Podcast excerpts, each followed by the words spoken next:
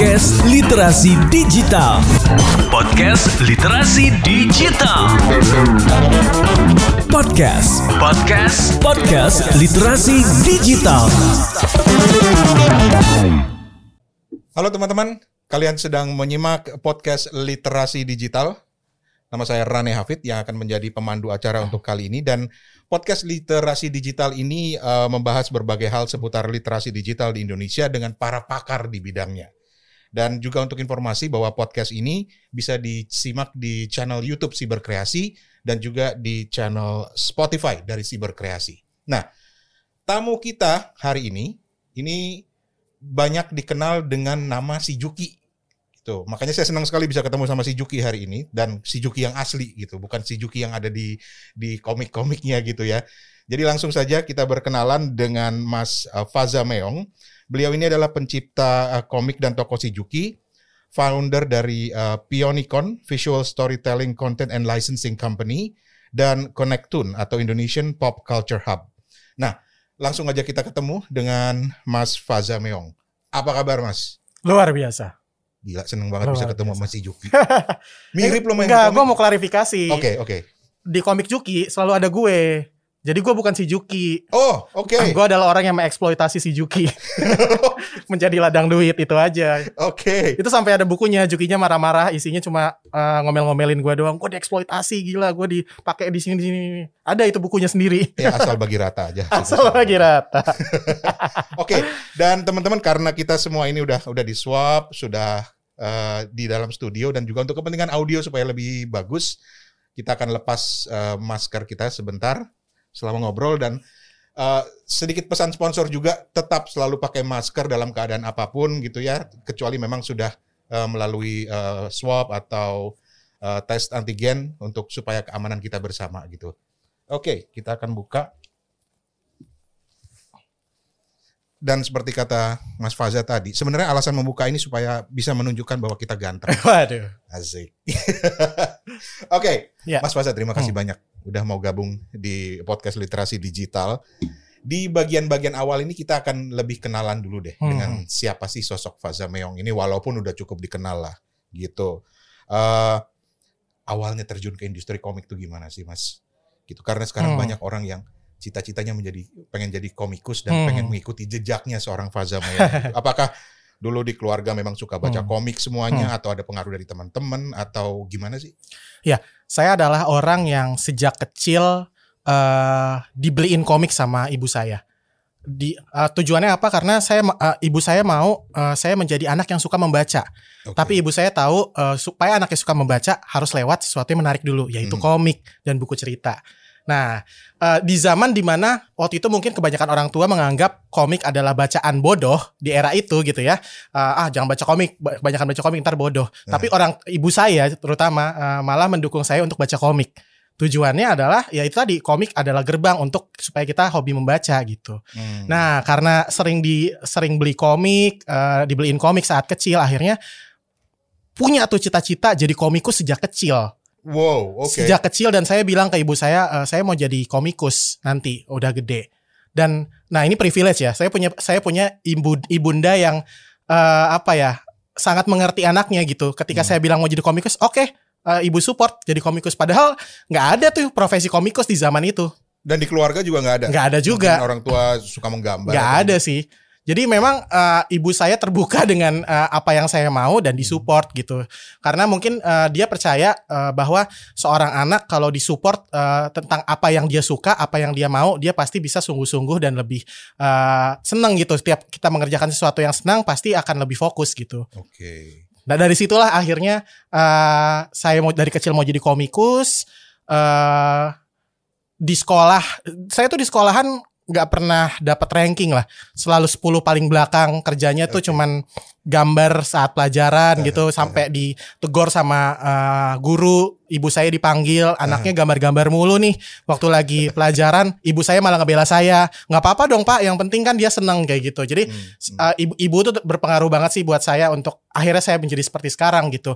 Akhirnya saya sekolahnya di sekolah kejuruan. Waktu itu saya bilang ke ibu saya, saya eh, Faza uh, mau ke sekolah yang nggak ada matematikanya. Nggak Oke. ada dong. Tapi akhirnya akhirnya cari-cari uh, sekolah kejuruan ternyata ada saat itu jurusan animasi.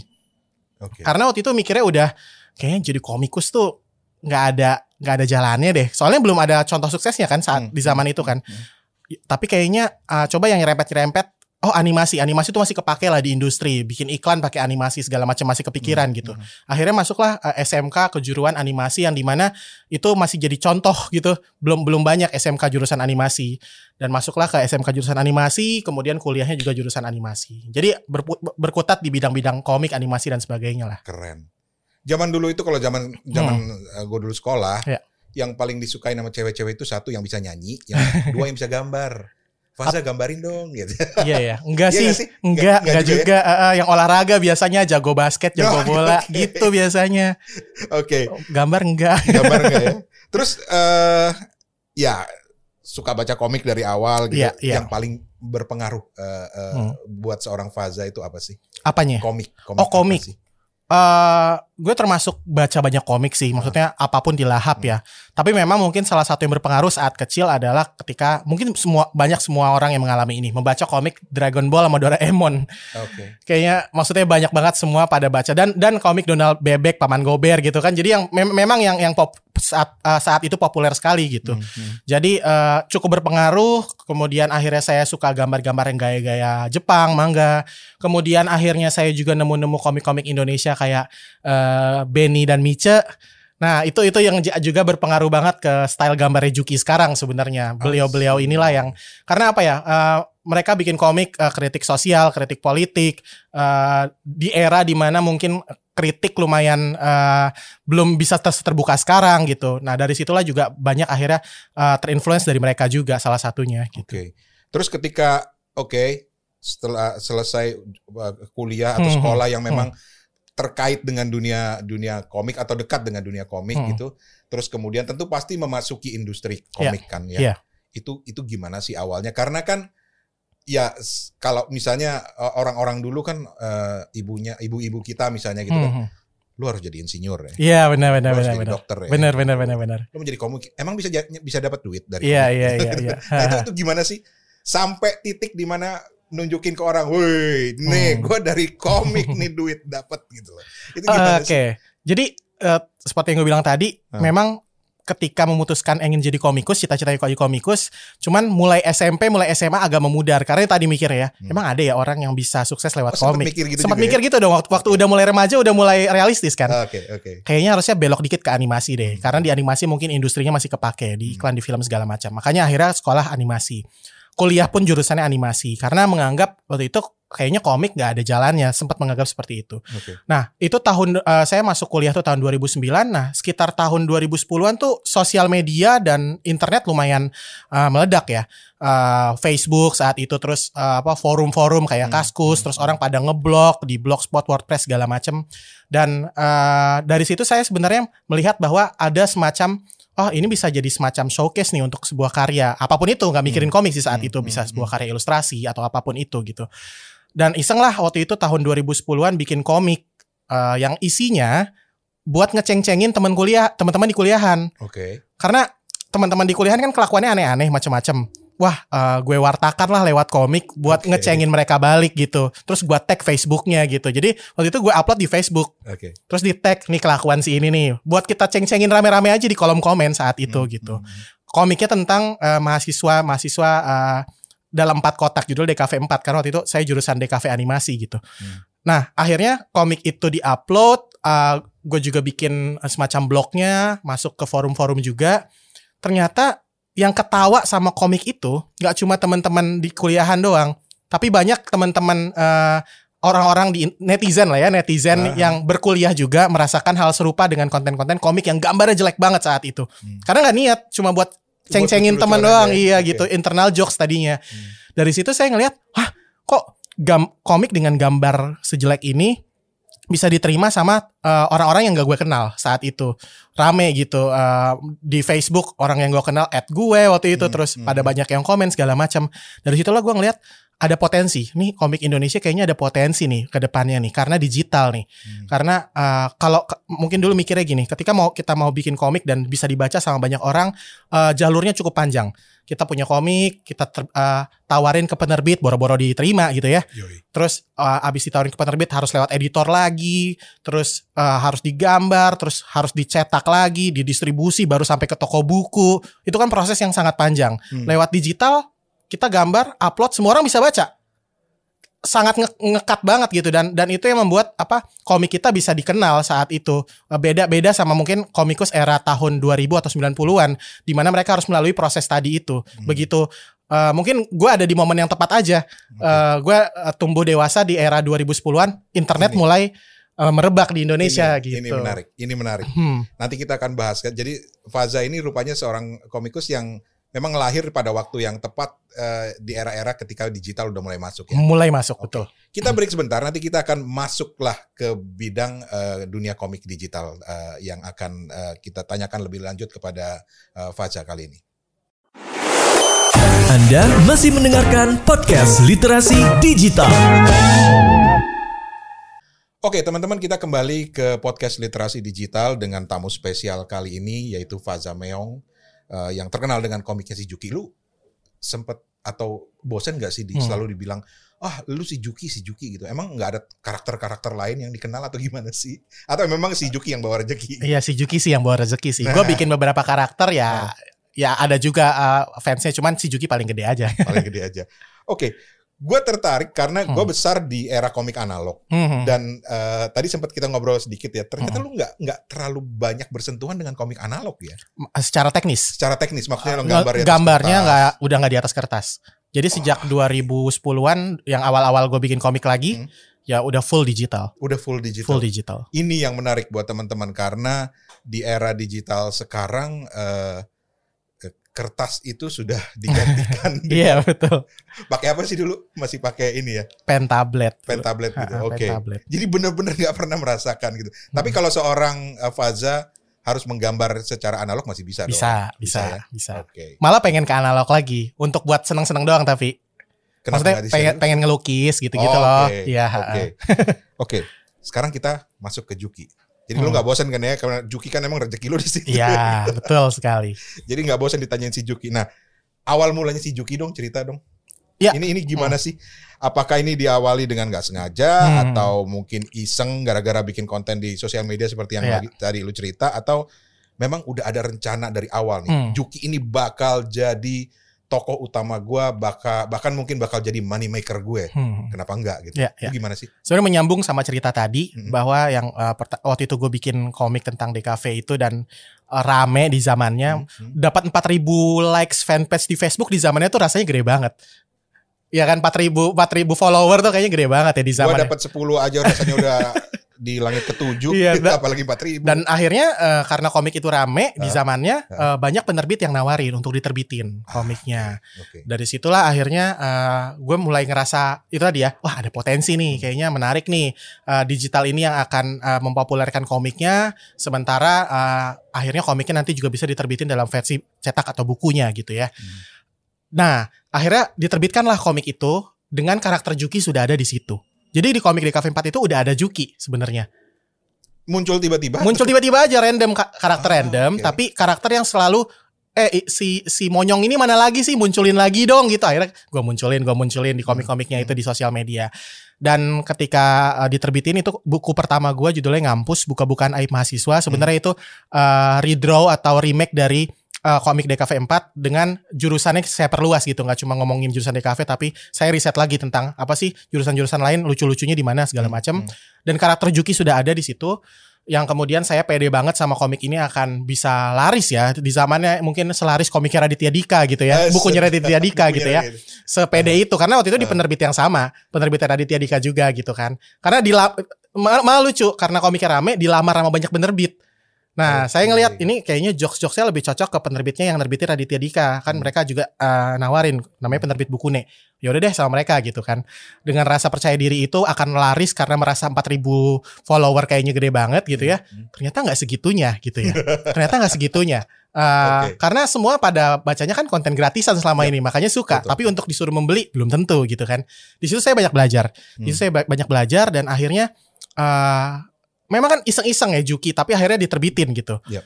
Kemudian saya ngobrol sama uh, uh, editor saya di saat itu yang sekarang udah jadi pimretnya buku nih gitu. Hmm. Eh, kayaknya ini harus karakter za nggak bisa si judul ngampusnya oh iya bener juga ya soalnya yang populer yang berhasil di sini tuh kayak Doraemon, Hmm. SpongeBob, Shinchan gitu kan Yap. karakter yang yang dibawa gitu brandnya karakter gitu oh iya juga ya akhirnya dari situlah gue mulai ngulik tuh gue mulai ngulik tentang bisnis karakter. Lumayan aneh soalnya soalnya kekecewaannya adalah penjualan buku. Hmm. ya kan? Hmm. ah kok penjualan bukunya tidak se- sebaik yang saya harapkan? Berarti yang saya harus kulik adalah bisnisnya. Gak- jangan-jangan jangan mikirin buku tapi mikirin karakternya. Kenapa SpongeBob bisa sebesar itu? Kenapa Doraemon bisa sebesar itu? Kenapa apa namanya Mickey Mouse bisa sebesar itu? Nah akhirnya ngulik-ngulik eh saya nggak nggak tahu harus nanya ke siapa tentang bisnis karakter karena belum belum ada role modelnya di zamannya belum tahu eh, apa itu gitu kenapa namanya Doraemon itu tadinya cuma komik tapi kita bisa ngelihat ada animasinya Iya, iya. ada tas dengan gambar Doraemon gitu ya, ada eh, tempat minum dengan gambar Doraemon. Ini tuh ada apa sih sebenarnya kok bisa begini gitu ya? Hmm. Akhirnya ulik-ulik-ulik eh, ketemulah sama istilah yang namanya eh, licensing business. Nah, Oke. apa itu licensing business? Eh, sebenarnya bisnis izin, license kan izin ya. Yap, yap. Izin menggunakan karakter Doraemon misalnya untuk ditaruh di sebuah vas bunga gitu ya supaya Hmm. vas bunganya dibeli sama penggemar Doraemon ya kan sehingga Iya, iya. menambahkan value terhadap Iya, sebuah produk vas bunga eh, supaya orang-orang pada beli Hmm. misal contohnya apa ya misal gelas semua orang kan punya gelas ya di rumah ya Hmm. Tapi kenapa penggemar Doraemon mau beli mau beli gelas lagi dengan gambar Doraemon dengan harga jauh lebih mahal gitu berarti kan karakter menambahkan Doraemonnya value gitu. Sebuah produk Hmm, gitu hmm. di situlah gue mulai belajar wah menarik sekali ya sebenarnya bisnis licensing ini gitu ya Eh, tapi untuk sampai bisnis licensing ini ya Doraemonnya juga harus diketahui banyak orang gitu Eh, dari situlah gue mikir oke ini karena si Juki adalah karakter yang tokoh sentral di komik Hmm. kampus mungkin si Juki yang akan gue naikin dan Hmm. gue akan membuat sebuah roadmap nah kalau ditanya ditanya, tadi iseng-iseng apa di sengaja di plan awalnya iseng-iseng tapi Hmm. ketika ada titik itu di tahun 2012 saya mulai ngeplan Oh, Gimana oke. supaya karakter yang saya buat ini bisa menjadi sebuah uh, bisnis dan ekosistem yang menarik. dari sekian banyak karakter kemudian yang muncul adalah si Juki Si Juki. yang di develop lagi ya. Betul, betul, Oh, betul. gila keren banget. Nah, ini buat teman-teman yang mau juga main di di digital ya. Karena itu kan Hmm. sebenarnya komik yang kemudian diterbitkan menjadi buku gitu Iya, kan. Tapi betul. kan sekarang trennya adalah komik digital. Betul, betul. Di Instagram Iya, tiba-tiba iya. komik jadi laris, kemudian juga banyak eh, apa namanya? portal-portal komik gitu Betul, kan. betul. Nah, kalau menurut lu sendiri Faza, eh, tantangan untuk mulai atau mengembangkan karya dalam bentuk komik Hmm, digital hmm, hmm, hmm. itu menurut lu apa? Apa tantangan? Iya, tantangannya. Tantangannya pasti karena sekarang sudah makin banyak, Hmm. uh, mungkin akan lebih tantangannya adalah akan lebih susah untuk muncul. Hmm. Maka penting untuk mikirin uh, kontennya itu sendiri. Komik harus bisa uh, kita harus bisa ngelihat uh, sekarang komik ada apa aja Hmm. dan kita harus bisa bikin sesuatu yang terlihat fresh. Kan nggak ada yang original lah di dunia ini, Iya, Uh, iya. semuanya nggak ada yang baru. Tapi kan Hmm. kita bisa bikin terlihat fresh. Apakah itu dari uh, konten ceritanya, apakah itu dari konsepnya, apakah itu dari visualnya gitu. Kita bisa uh, ngelihat dari situ tantangannya. Kedua tantangannya yang pasti uh, karena digital mungkin marak akan apa ya uh, semacam pembajakan atau plagiarisme itu itu salah satu apa sesuatu yang harus diantisipasi juga gitu makanya Hmm. penting uh, kalau emang kita serius untuk ngembangin sebuah karakter ya bisa ya didaftarin mungkin ya ke hak cipta segala macam itu juga penting gitu. Dan uh, itu tadi sih tantangannya adalah ketika kita ngomongin medium komik di digital saingannya bukan sesama komik lagi. Iya, tapi saingannya dengan medium-medium lainnya gitu. Kalau kalau dulu perjuangannya di toko buku wah saingan kita komik luar nih komik Hmm. Jepang gitu ya. Hmm, hmm. tapi ketika kita masukin digital, saingannya macam-macam ya, video YouTube, podcast, eh, apalagi konten-konten eh, video, konten-konten eh, macam-macam lah yang Ya. ada di internet itu semua jadi jadi semacam saingan karena orang tiap hari buka eh, handphone dan melihat banyak konten berseliweran gitu ya, banyak banget dan begitu komik kita muncul orang ketawa dia langsung next lagi ke konten TikTok gitu. Bisa jadi kita dilupakan. Yoi. Makanya Yoi. penting kita harus berkesan gitu di konten kita. Berkesan dan konsisten. Penting juga konsistensi sih. Karena kalau cuma tayang sekali dua kali abis Hmm. itu hilang begitu aja ya orang akan melupakan kita karena konten sangat banyak pu- puluhan juta di internet gitu. Jadi yang lagi dengerin podcast ini, baik di YouTube-nya Siberkreasi maupun di Spotify-nya Siberkreasi, itu tadi tips yang paling penting banget buat lo yang mau mencoba merambah ke dunia digital gitu ya, terutama eh, komik digital maksudnya. Nah, kasih eh, eh, eh, eh, agak klise sih, tapi kasih share tips dong dari seorang Faza Meong buat mereka-mereka yang sedang aspiring untuk Iya. menjadi eh, komikus. Kurang lebih kayak tadi ya eh, penting untuk eh, dipikirin kira-kira siapa yang akan baca komik kita. Hmm. kadang eh, yang namanya seniman dia suka bikin komik itu karena dia suka sendiri gitu. Yep. Tapi kalau emang pengen serius seriusin untuk di komik digital dan mungkin dapat penghasilan atau dapat menjadi profesi, Hmm. penting juga mikirin siapa yang akan baca. Berarti kan kita ngomongin target pembaca gitu ya. Audiensnya. Target ya. audiensnya siapa sih ini? Kira-kira ada nggak yang mau baca? Hmm. Nah dari situ kita harus ngetes dulu. Kemudian bikinlah konten yang memang eh, terlihat cukup fresh dan berbeda. Makanya penting untuk research dulu. Kira-kira ko- komik sekarang tuh kayak gimana sih? Yang disukain seperti apa sih? Oke, eh, gue tahu banyak yang bikin kayak gini dan yang disukain seperti ini. Oke, gue coba bikin untuk ma- masuk market A, tapi dengan sebuah eh, perbedaan yang besar sehingga itu menjadi unik gitu ya. Penting untuk menjadi unik. Kemudian pilihlah platform yang tepat. Eh, banyak banget sekarang ya platform ya. Lo bisa pakai sosial media, lo bisa juga banyak platform digital komik gitu. Hmm. Kalau Hmm. harus milih, Kalau yang sekarang hmm, menurut lo yang platform yang lagi ngetop banget? tergantung kontennya. Oke. Kalau misalnya oh komik gue komedi nih bisa jadi Instagram karena kan Ya. Instagram satu kali post receh selesai gitu ya. Yes. Kalau bikin komik yang lebih panjang jangan-jangan di Instagram gak masuk karena orang ya lewat-lewat gitu aja. Makanya penting tuh nge-research ko- kontennya seperti apa, masuknya ke platform seperti apa. Oke. Ya ya kan? Jangan-jangan oh di di webtoon gitu kan. Sekarang kan platform webtoon sangat besar ya di Betul, Indonesia. Betul. Oh, kalau yang ma- ma- ma- bisa komiknya lebih panjang, jangan-jangan di webtoon gitu. Jadi tergantung balik lagi ke kontennya sih kalau milih platform. Oke. Hmm. Kita akan ngobrolin lebih banyak soal itu karena teman-teman yang juga pengen menjadi seorang eh, komikus Hmm. eh, seperti Faza juga pasti lagi mikir nih prospeknya ke depan seperti apa. Hmm. Tapi kita break dulu sebentar lagi. Anda masih mendengarkan podcast Literasi Digital. Teman-teman kita kembali lagi di podcast Literasi Digital. Sekali lagi podcast ini bisa didengarkan melalui channel YouTube Siberkreasi atau juga di channel Spotify-nya Siberkreasi. Tinggal pilih mau nonton atau mau denger audionya atau melihat wajah gantengnya eh, si Juki. Gue bilangnya Juki lagi. Karena itu adalah tamu kita kali ini yaitu Faza Meong atau lu lu kenapa dipanggil Faza Meong? Si nama Oh, aslinya siapa sih? Ya Fa- ada nama aslinya. Cuma kalau Faza Meong itu memang ceritanya panjang sih ya. Itu ah. kayak berjilid-jilid itu kalau mau diceritain. Oh, gitu Nggak ya. bercanda. Gue suka kucing doang. oh karena suka kucing. Iya, ya, nama dari dulu aja sih. Terus Oke. ke bawah sampai sekarang. Oke. Oke. Ini kita lanjutin lagi soal industri ya sebenarnya. Hmm. Kita masuk ke industri soalnya gini. Eh kalau eh, ngelihat eh, sekarang perkembangan platform eh, media sosial gitu ya dan Hmm. juga self publishing, publikasi secara mandiri itu eh, menurut lu apakah itu bisa mendorong eh, kemajuan industri atau ekosistem eh, komik eh, di Indonesia atau masih belum cukup atau ada sesuatu yang mungkin harus memicu untuk supaya bisa lebih besar lagi? Sebenarnya sejak 2015, sejak uh, platform yang dari Korea namanya Line Webtoon masuk di Indonesia, Yes, yes. itu membuat komik menjadi komik Indonesia terutama menjadi uh, bacaan tidak hanya bacaan komunitas saja. Iya. Tapi sudah sampai akhirnya dibaca sama publik karena uh, platform Line Webtoon ini. Hmm. Kenapa? Karena uh, Line itu kan banyak dibaca eh, banyak dipakai sama anak muda ya, aplikasi chatting Line ya. Yap. Terus ke- ke- kemudian mereka mengeluarkan platform Webtoon sehingga pengguna lain juga akhirnya baca uh, Line Webtoon itu gitu. Dan dari situlah meledak sekali komik Indonesia sih uh, gara-gara Line Webtoon itu gitu. Uh, genre-genre seperti drama, romance, uh, action segala macam ada kesempatannya, nggak cuman komik-komik receh kayak Juki yang ada di Instagram gitu ya. Uh, Walaupun ya yang yang yang Instagram udah udah lebih dari uh, udah sebelumnya gitu sejak tahun 2013-an 2014-an mungkin komik-komik di Instagram ada. Tapi kan ya mostly karena formatnya begitu aja ya cuman bisa dinikmati mungkin yang genre genrenya komedi gitu ya atau yang pendek-pendek gitu. Nah, eh, sebenarnya gara-gara webtoon akhirnya mengubah peta industri eh, di komik di Indonesia. Kenapa? Karena webtoon menawarkan sistem eh, salary, gaji. Oke. Jadi para komikus-komikus ini yang dikontrak sama webtoon, mereka punya gaji bulanan.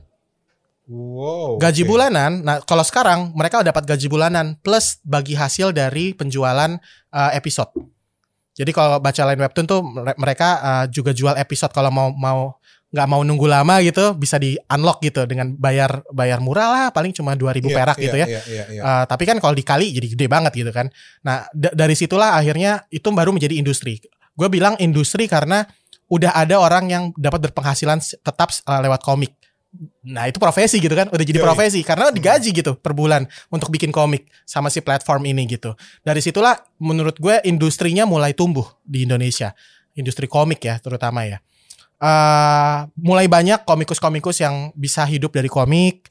Eh, nggak cuma yang di line webtoon tapi misalnya yang punya pengikut di Instagram juga. Mereka monetize caranya beda. Hmm, mereka cara monetize mungkin bekerja sama dengan sebuah brand Yap, yap. untuk untuk bikin komiknya versi komiknya dan mereka mendapatkan eh, penghasilan juga dari sana gitu. Jadi mulai beragam cara mendapatkan apa namanya eh, benefit dari komik itu tersendiri gitu. Mulai era-era ya 2015an 2014 gitu mulai mulai rame gitu. Tapi menurut lo ada ada ada prospek lain gak sih atau Hmm. ada hal yang belum belum di di di dipelajari atau dijelajahi lebih banyak oleh para komikus selain misalnya webtoon, Iya. fenomena di Instagram. Hmm. Ke depannya apa lagi platform-platform media sosial yang menurut lo bakal bisa gitu loh? ke depannya menurut gue sih eh, kalau istilahnya kalau nggak mau di situ-situ aja gitu ya kreator harus mulai paham bahwa eh, komik hanyalah sebuah medium core-nya ini adalah IP intellectual property Oke. gitu kayak si Juki ini IP nih Eh, komik hanyalah medium penyampai eh, ceritanya gitu. Hmm. maka jangan berhenti mikir di komik saja. Kalau gue mikirnya gitu ya. Hmm. mungkin nanti juga bisa dikembangkan tergantung kontennya gitu. Kalau kayak si Juki kan sekarang dikembangkan udah jadi sebuah film layar lebar. Yoi. terus jadi series juga. Kita ada series di Disney Plus. Hmm. terus ada merchandise-nya dijual juga. Jadi eh 360 mikirnya bahwa IP, IP ini adalah core-nya bisa ditranslasikan bisa ditransfer ke berbagai macam medium yang nanti menghasilkan juga gitu harus eh, nggak tahu ya kalau mau lebih besar mikirnya harus agak arah ke sana gitu kreator-kreator ini nggak bisa mungkin cuma di komik tapi kalau mau di komik juga ya fine gitu Nggak Eh, masalah ada juga yang ya. mikirnya cuma ah enggak gue cuma mau komik doang oke juga gitu Oke. Berarti Juki ini sudah sudah sudah merupakan intellectual Iya. property ya. betul betul, Gitu. betul. Udah nongol di eh, gelas atau di pot gitu belum? belum belum belum sampai situ kalau sampai situ keren banget kali ya oh iya. Tapi udah di produk-produk minuman gitu-gitu udah Nah, ada. Gitu kan minuman si Juki gitu bisa. Ada, udah ada itu. Udah ada ya? Udah ada. Kalau beli fruity pasti ada gambar si Jukinya. Wes, keren. Tuh, jadi bukan cuma sekedar komik teman-teman, Iya. banyak eh, kesempatan. Oke, sekarang gue pengen balik ke ke ekosistem industri komik eh, Ya. di di Indonesia ya, Hmm. karena eh, komik itu kan banyak kiblatnya, banyak Ya. influence-nya gitu. Hmm. Kalau menurut lu sendiri, eh, komik-komik kita sekarang ini banyak kiblatnya dari mana sih? Dari Jepang Hmm. kah atau dari Amerika Serikat atau mungkin dari Belgia yang juga terkenal Ya. dengan gaya-gaya Hmm. eh, realisnya Ya. gitu? Atau memang kita punya style sendiri? Kalau menurut lu Hmm. gimana? Kalau gue gue termasuk orang yang nggak mikirin itu style a- apa pun itu. Kalau gue lebih ke cerita ya. Tapi memang menarik untuk ngebahas eh, style visual karena tiap zamannya punya gaya visual yang populer yang berbeda-beda. Exactly. Misalnya komikus zaman dulu kenapa gaya-gayanya kayak komik Amerika? Karena di zaman itu misalnya di zamannya apa ya? Di zamannya Gundala gitu ya. Hmm. Si Buta dari Gua Hantu. Karena mereka eh, mungkin komik yang populer saat itu adalah komik-komik eh, DC Marvel gitu ya. Karena mereka terekspos pada Tereksposnya pada komik-komik komik-komik itu gitu. Iya, Maka mereka akan uh, uh, stylenya akan seperti itu. Hmm. Ketika tahun 90-an uh, manga Jepang uh, ramai banget gitu ya Hmm, penerbitnya Alex Media Komputindo Hmm. dan uh, nerbitin banyak komik Jepang, maka anak yang tumbuh di era itu uh, akan meniru gambar itu juga gitu, akan Hmm. terinfluence sama gambar itu. Nah, sekarang ada wave baru nih uh, kalau ngomongin gaya. Komik gaya Korea webtoon, Korea webtoon. Korean webtoon. Kan webtoon ini dari Korea kan? Yes. mereka juga uh, uh, selain ada komik Indonesia-nya mereka juga mengimpor banyak komik Korea Hmm. dan itu akhirnya komik Korea tuh sebenarnya mirip-mirip sama komik Jepang tapi mulai ke sini makin menemukan stylenya sendiri gitu. Dan uh, banyak yang terinfluence akhirnya sama gaya-gaya uh, webtoon Korea gitu. Dan menurut gue soal gaya itu adalah sebuah proses gitu. Uh, Osamu Tezuka juga dulu sebenarnya god of mangganya Jepang ya. Sebenarnya beliau juga niru Disney gitu matanya gede-gede Yap, gitu kan. yap, yap, yap. tapi akhirnya berkembang sendiri dan akhirnya menemukan sendiri. Dan menurut gua kalau ditanya Indonesia gayanya seperti apa ya, Indonesia ya bineka tunggal ika ya. lu mau nyari komik dengan gaya apa aja juga pasti ada gitu uh, akhirnya gitu Mhm. tanpa harus kita mikirin nyari-nyari yang mana sih style Indonesia menurut gua style tuh akhirnya personal ke kreatornya kalau kita jalan ke Jepang juga tiap kreator punya style masing-masing gitu kalau tahu Naoki Urasawa yang bikin 20th Century Boys itu Yep. stylenya kuat banget gitu Hmm. atau eh, apa namanya eh, yang bikin Junji Ito horornya kan gaya visualnya juga kuat banget. Jadi Hmm. bagi gua akhirnya style itu ya personal, bukan di- di- du- bukan dalam ruang lingkup negara. Oke. Walaupun memang influence dari apa Betul. yang sedang populer tetap Betul. ber- berpengaruh juga ya. betul betul. Oke. Ini bagian-bagian terakhir dari obrolan kita. Kita penasaran si Juki mau dibawa ke mana sih ke depan? Waduh. Ini ini ini pasti udah direncanain dong. Waduh. Nggak berhenti sampai di Berat sini sekali aja. pertanyaannya, tapi sangat mudah dijawabnya sebenarnya. Wis, berat tapi mudah. Oke, Ak- kita akan dibawa di mana cuan mengalir. ya, eh, gini, menurut gue sih eh, dibawanya ke mana? Ya bener juga jawaban tadi, di mana cuan mengalir. pasti itu pasti gua jalanin. Pasti kan. Karena karena gini, eh gue ngerasa Juki ini punya semacam bukan beban ya, tanggung jawab untuk menjadi eh, sebuah role model di industri. Eh film film eh, akhirnya si Juki dari komik jadi film itu eh, pertama di eranya gitu ya. Hmm, hmm. Uh, jadi pionir juga gitu. Akhirnya jadi series juga akhirnya pertama gitu. Jadi uh, gue sebagai orang kreatif akan terus putar otak gimana caranya membuat si Juki ini terus menarik, Hmm. harus terus beradaptasi gitu kan. Karena yang namanya teknologi media akan terus uh, muncul yang baru gitu, Yap, yap. sesuatu yang baru. Misalnya apa namanya ada muncul lagi yang baru dan itu ternyata kalau pak kalau Juki masuk ke medium itu menarik juga bisa jadi gitu kan. Jadi kalau mau dibawa ke mana, gua pasti akan ngelihat eh, bagaimana ke depannya ini dan gua akan terus beradaptasi sih sama medium-medium yang ada gitu. Hmm. Dalam waktu dekat aduh udah ada rencana-rencana yang yang yang jangka pendek nih. Oh yang jangka pendek. Sebenarnya kan kita buku-buku yang lebih baru atau kalau ya buku tuh buku tuh udah lebih dari 50 kalau Juki Hmm. eh, komiknya. eh sebenarnya yang orang-orang udah pada tahu adalah film keduanya. Cuman karena pandemi ini ya kita nggak Hmm. tahu kapan akan bisa merilis film keduanya. Akhirnya makanya kita keluarin yang seriesnya dulu. Eh, itu pun kita bener-bener beradaptasi gitu ya. Oh kita taruh karena karena pandemi rame orang nonton di apa eh, OTT ya kita kita pu- publish lah ya itu di Disney Plus Hotstar gitu.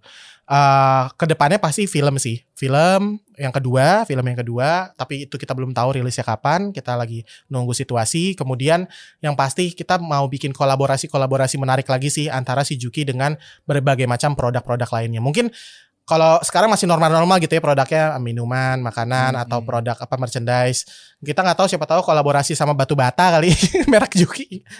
Kayaknya zaman sekarang atau bungkus nasi padang. ah mungkin mungkin mungkin menarik juga menarik juga keren juga keren juga bisa bisa bisa pokoknya ya perbanyak kolaborasi aja sih sekarang akhirnya Oke. Hmm. Dan mungkin mungkin eh, kata kuncinya adalah kreatif ya. iya Karena betul. industri kreatif ini semakin maju dan dan nggak bisa ditebak gitu. Dulu Ya. siapa sih yang bisa nebak bahwa eh, industri komik mo- modern di Indonesia bisa muncul dari webtoon gitu kan? betul betul betul betul Gue pertama kali ngelihat oh, webtoon tuh ini apaan sih? gitu. Tapi nagih gitu. Buka Iya, terus, iya, buka iya. terus. Wah, ini keren banget. So, buat aspiring uh, komik ini mungkin ngulang, tapi mungkin ada pesan Hmm. atau apa ya saran-saran uh, bagi mereka yang yang ingin juga Hmm. mengikuti jejak seorang Faza Meong uh, ke depannya. Karena Ya. tadi lu udah bilang kan, uh, uh, lihat audiensnya, Hmm, hmm, kemudian juga uh, go where the cuan flows gitu ya. itu itu itu Nah, realistis. Tapi ada ada ada ada tips lain nggak yang yang mungkin bisa dibagi buat teman-teman yang ingin juga juga Oke. merambah dunia komik ini? yang pasti hmm, kita harus punya strong purpose sih harus punya tujuan yang kuat ketika kita bikin komik Hmm. apakah tujuan kuat itu adalah uang belum tentu karena kalau tujuan kuatnya hanyalah uang Hmm. maka ketika ada uang lebih besar lebih lai- lebih besar lagi ya kita akan tinggalin itu komik dan akhirnya ngejar uang gitu ya Tunggu tunggu tunggu tunggu ulang ulang ulang ulang ulang. ini serius ini. serius serius serius Jadi gimana tadi? Ki- kita harus punya strong purpose Oke. strong purpose kan bisa macam-macam Oke. tiap orang personal lah strong Yap, purpose itu Yap, yap. boleh uang boleh juga gitu Betul. Tapi kalau hanya uang, Nah. maka ketika ada uang lebih besar eh, di luar komik, maka akan kita tinggalkan itu ber- berkomiknya. Oke. Maka strong purpose di sini bisa jadi lebih dari sekedar uang. Hmm. Misalnya kalau gue, kalau gue gue punya strong purpose lewat gue pengen lewat si Juki ini gue bisa ngebuka jalan banyak untuk banyak orang, untuk banyak industri Oke. gitu. Maka ketika itu belum terjadi, gue akan terus-terusan gitu. Gue akan usahain itu gimana caranya. Gue pengen eh, komik Indonesia, animasi Indonesia bisa jadi raja di negeri sendiri. itu menurut dan it- itu it- itu aja belum terjadi menurut gue dan gue harus terus berusaha. Nah itu yang itu itu yang namanya eh, api semangatnya yang akan terus eh, bikin gue jalan terus gitu. Makanya paling penting kita punya strong purpose pertama satu. Kedua seperti yang tadi dulu gue bilang eh, tentuin audiensnya segala, macam. ya, ya. Paling utama adalah ujung-ujungnya konsisten. Karena percuma komiknya bagus banget, udah mikirin target audiensnya, tapi cuma keluarnya sekali dua kali, ya orang lupa gitu. Sebulan satu. gitu. Iya, iya, ya sebulan satu tapi konsisten nggak apa-apa dong. Oh iya, iya Ya. bisa ya. Eh, Bulan berikutnya orang akan nunggu, bulan Nunggu berikutnya. lagi, Jadi kon- eh, konsisten tuh menurut gue penting. Nggak bukan sering tapi konsisten Mhm. gitu. Pertanyaan pendek, Hmm. mungkin agak-agak aneh tapi ini kadang-kadang menjadi masalah juga. Buat mereka yang calon mertuanya masih menanyakan, emang bisa anak gua dihidupin dari komik? Hmm. Lu mau bilang apa buat mereka? Aduh, gak tahu susah banget ya jawabannya ya. iya kan? Iya, iya, iya, iya. Gak tahu coy. Masa sebut nama gue? Cuman maksudnya nggak ada jaminan. Gini, eh, nggak semua profesi itu nggak ada jaminannya bisa sesukses apa pun ya. Hmm, Asal lo bisa ngejalaninnya dengan fokus, dengan strategi yang tepat ya mungkin lo akan berhasil gitu. Tapi kalau ditanya seperti itu, wah itu itu itu, itu, itu pertanyaan yang susah buat Pertanyaan- orang orang itu. Kalau buat gue kan gampang ya. Ah, ah. Jadi gitu, kalau pertanyaan susah apa eh, ada calon mertua yang nanya, kejuki aja. Tapi maksudnya ya harus harus banyak lah orang-orang kayak gue lagi supaya profesi komik semakin Exactly. uh, komikus semakin apa semakin seksi ya di mata Betul. mertua gitu ya. Itu Betul. tugas tugas kita bersama lah untuk ngebangun industri kreatif supaya lebih besar lagi. Wahai para mertua, dokter udah banyak, presiden udah banyak, komikus masih perlu lebih banyak. Anyway, thank you banget. Thank you, Faza. thank you, thank you, Terima thank kasih you. banyak dan teman-teman Anda baru saja mendengarkan podcast literasi digital persembahan dari uh, lit- uh, Siber Kreasi dan terus simak podcast-podcast yang lainnya. Gua Rane Hafid pamit. Terima kasih banyak sekali lagi Faza. Thank you, thank Terima you. kasih dan kita jumpa di episode berikutnya. Podcast Literasi Digital. Podcast Literasi Digital.